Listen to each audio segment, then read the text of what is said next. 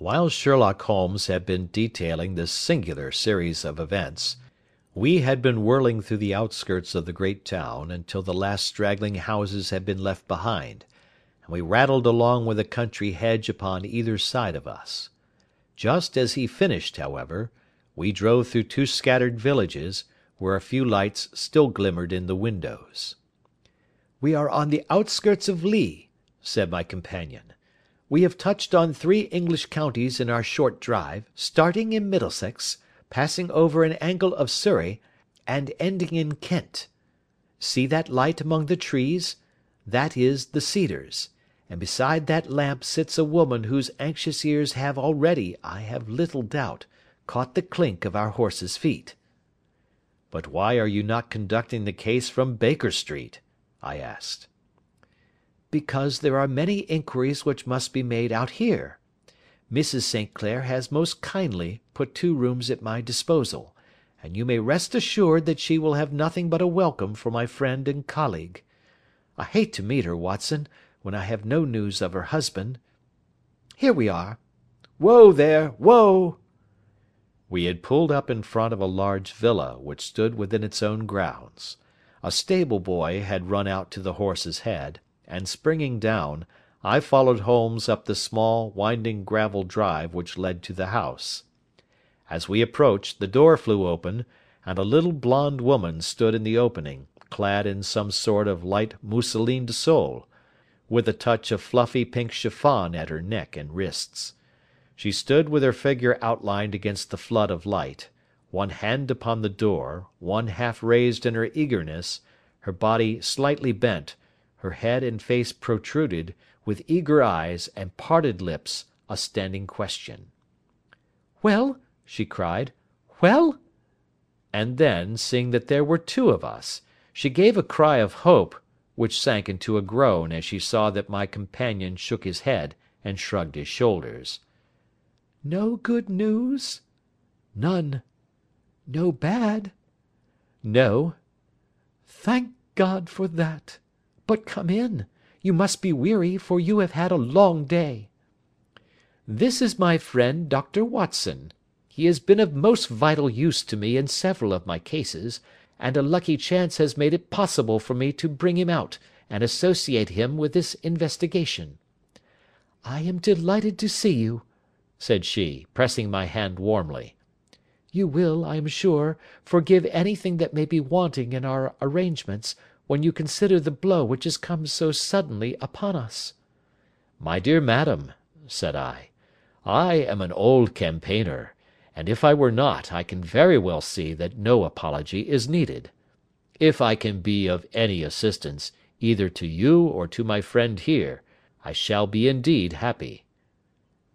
"Now, Mr. Sherlock Holmes," said the lady, as we entered a well lit dining room upon the table of which a cold supper had been laid out, "I should very much like to ask you one or two plain questions, to which I beg that you will give a plain answer." "Certainly, madam." "Do not trouble about my feelings. I am not hysterical, nor given to fainting. I simply wish to hear your real, real opinion." "Upon what point?" "In your heart of hearts. Do you think that Neville is alive?" Sherlock Holmes seemed to be embarrassed by the question. "Frankly now," she repeated, standing upon the rug and looking keenly down at him as he leaned back in a basket chair. "Frankly, then, madam, I do not." "You think that he is dead?" "I do." "Murdered?" "I don't say that. Perhaps.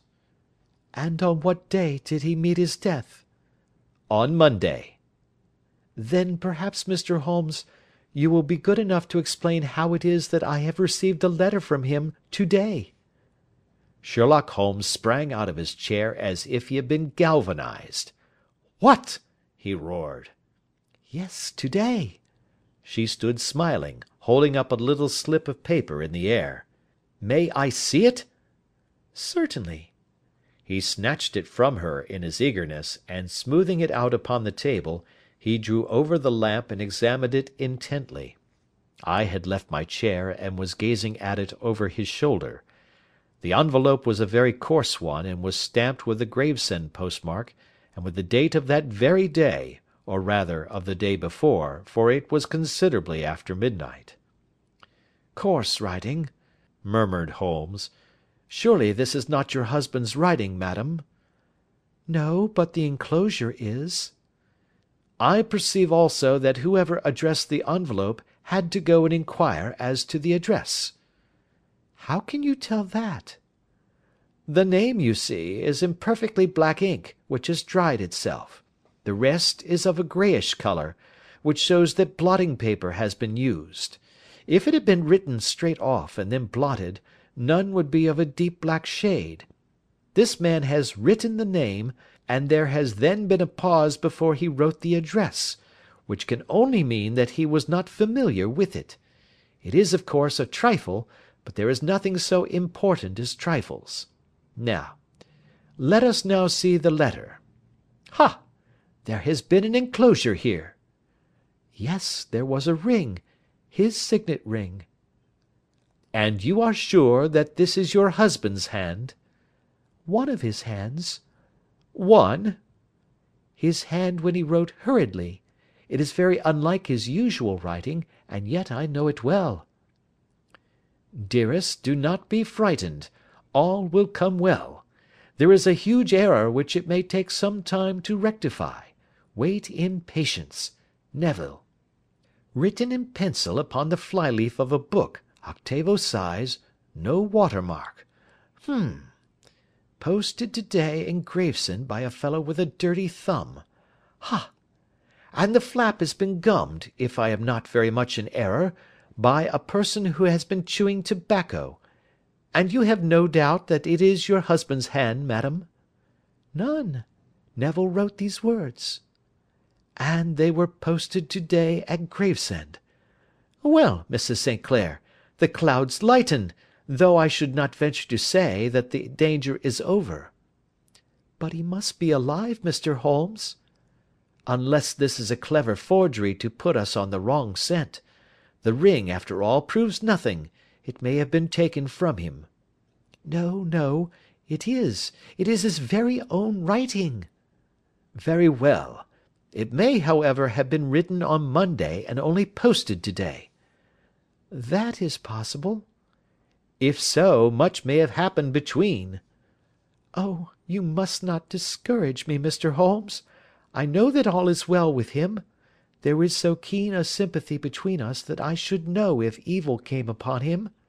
On the very day that I saw him last, he cut himself in the bedroom and yet I in the dining room rushed upstairs instantly with the utmost certainty that something had happened. Do you think that I would respond to such a trifle, and yet be ignorant of his death?" "I have seen too much not to know that the impression of a woman may be more valuable than the conclusion of an analytical reasoner. And in this letter you certainly have a very strong piece of evidence to corroborate your view. But if your husband is alive, and able to write letters, why should he remain away from you?" "I cannot imagine. It is unthinkable." "And on Monday he made no remarks before leaving you?" "No." "And you were surprised to see him in Swandam Lane?" "Very much so." "Was the window open?" "Yes." "Then he might have called to you?" "He might." He only, as I understand, gave an inarticulate cry." "Yes." "A call for help, you thought?" "Yes. He waved his hands."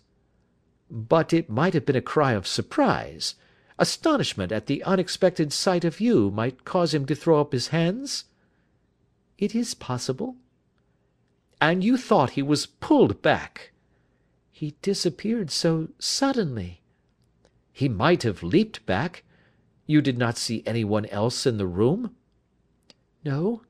But this horrible man confessed to having been there, and the Lascar was at the foot of the stairs."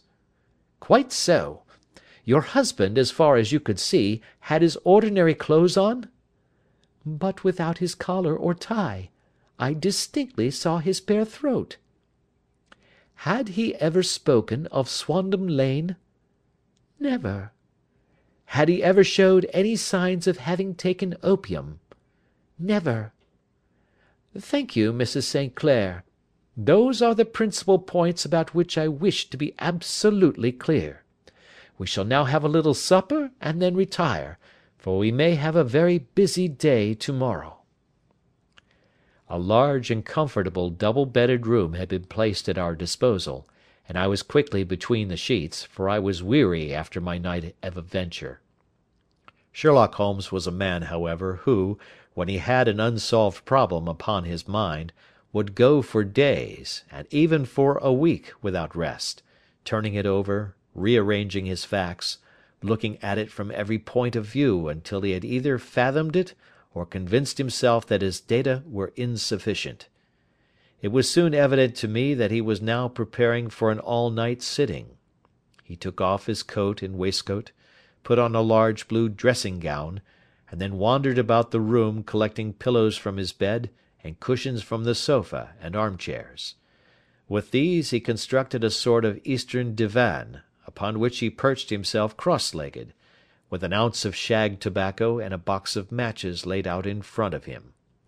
In the dim light of the lamp I saw him sitting there, an old briar pipe between his lips, his eyes fixed vacantly upon the corner of the ceiling, the blue smoke curling up from him, silent, motionless, and the light shining upon his strong set aquiline features. So he sat as I dropped off to sleep, and so he sat when a sudden ejaculation caused me to wake up, and I found the summer sun shining into the apartment. The pipe was still between his lips, the smoke still curled upward, and the room was full of a dense tobacco haze, but nothing remained of the heap of shag which I had seen upon the previous night. "Awake, Watson?" he asked. "Yes." "Game for a morning drive?" "Certainly." "Then dress. No one is stirring yet, but I know where the stable boy sleeps, and we shall soon have the trap out." He chuckled to himself as he spoke, his eyes twinkled, and he seemed a different man to the sombre thinker of the previous night. As I dressed I glanced at my watch. It was no wonder that no one was stirring. It was twenty five minutes past four. I had hardly finished when Holmes returned with the news that the boy was putting in the horse. "I want to test a little theory of mine," said he, pulling on his boots. "I think, Watson, that you are now standing in the presence of one of the most absolute fools in Europe. I deserve to be kicked from here to Charing Cross. But I think I have the key of the affair now." "And where is it?" I asked, smiling. "In the bathroom," he answered. "Oh yes, I am not joking," he continued, seeing my look of incredulity. "I have just been there, and I have taken it out, and I have got it in this Gladstone bag. Come on, my boy, and we shall see whether it will fit the lock." We made our way downstairs as quietly as possible, and out into the bright morning sunshine. In the road stood our horse and trap, with the half clad stable boy waiting at the head. We both sprang in, and away we dashed down the London road. A few country carts were stirring, bearing in vegetables to the metropolis, but the lines of villas on either side were as silent and lifeless as some city in a dream. "It has been in some points a singular case," said Holmes, flicking the horse on into a gallop. I confess that I have been as blind as a mole, but it is better to learn wisdom late than never to learn it at all.